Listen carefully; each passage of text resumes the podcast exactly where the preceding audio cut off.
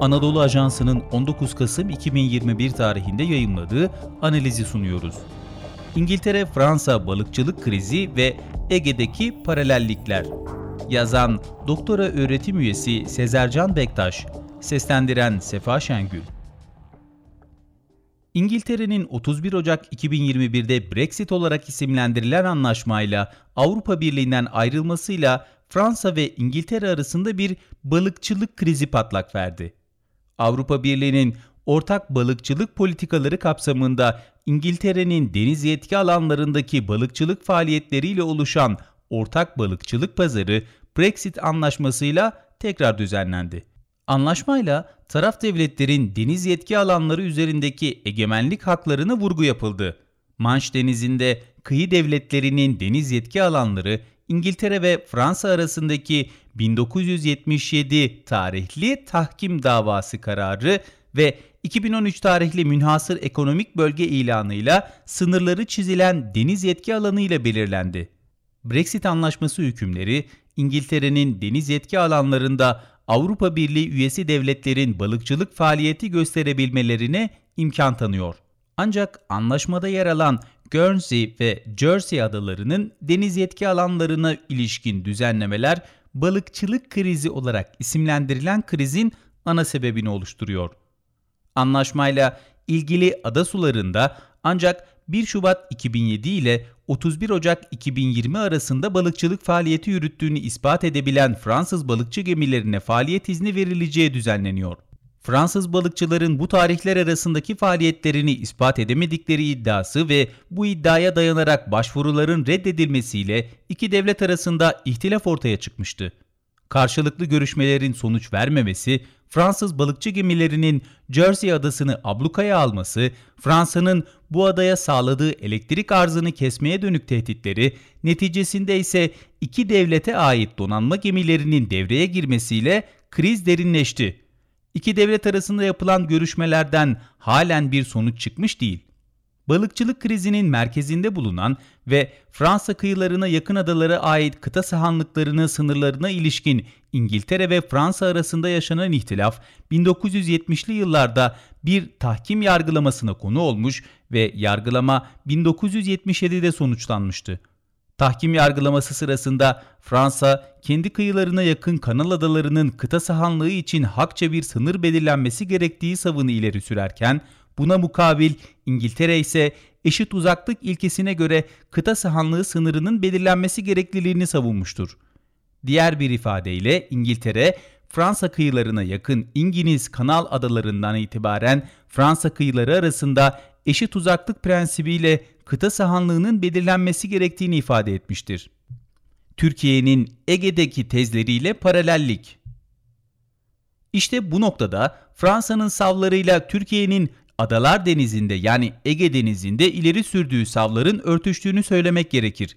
Bu benzerlik Ege Denizi'nin coğrafi açıdan özel niteliğiyle Manş Denizi'ndeki durumun benzerliklerinden de kaynaklanıyor.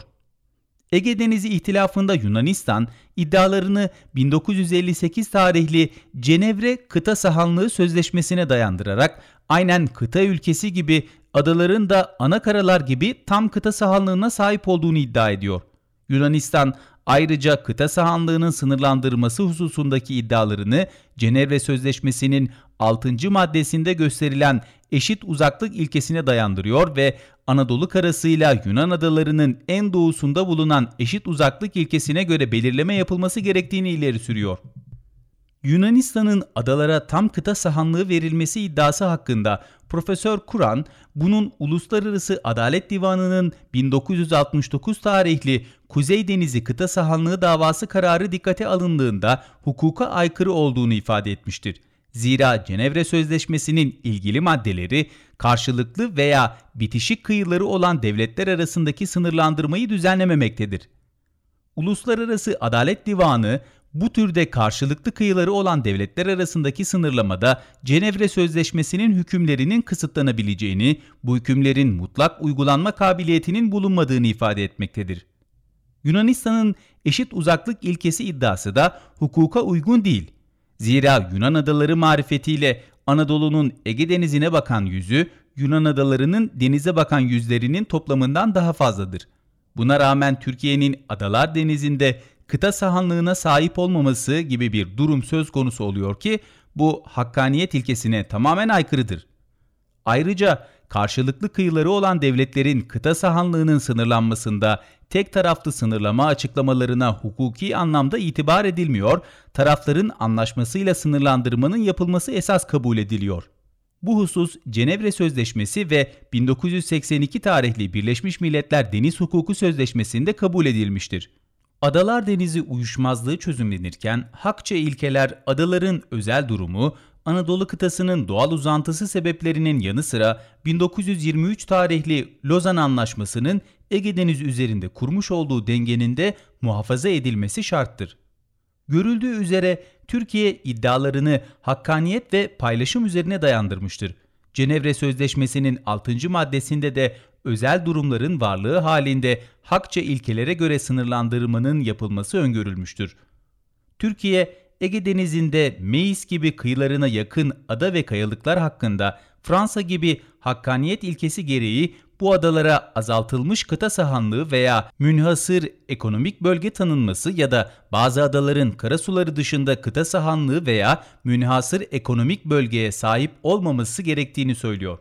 Çünkü bu adalar Türkiye kıyılarına çok yakındır ve eşit uzaklık çizgisinin yanlış tarafında konumlanmıştır. Bu özel durumlar sebebiyle Türkiye ilgili adalara tam deniz yetki alanı tanınmasının mümkün olmayacağını ifade ediyor.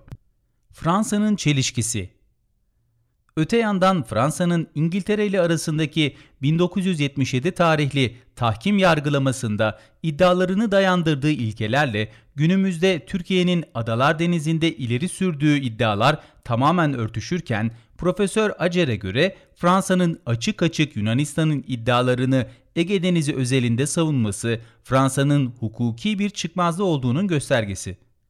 Devletlerin uluslararası alanda ileri sürdükleri söylemler arasındaki belirgin tutarsızlıklar siyasi anlamda uluslararası toplum nezdinde önemli sonuçlar doğurabilir. Bunun yanı sıra yakın gelecekte Fransa'nın Manş Denizi adalarında yaşaması muhtemel balıkçılık krizi gibi derin itilaflarda Ege'de takındığı tutarsızlık hukuki sorunlarla karşılaşmasına sebebiyet verecektir. Uluslararası hukukun bir kaynağı olarak hukukun genel ilkelerinden birisinin de çelişkili söylem yasağı olduğu bu neticede hatırdan çıkarılmamalı. Spotify, Apple Podcast ve diğer uygulamalar. Bizi hangi mecradan dinliyorsanız lütfen abone olmayı unutmayın.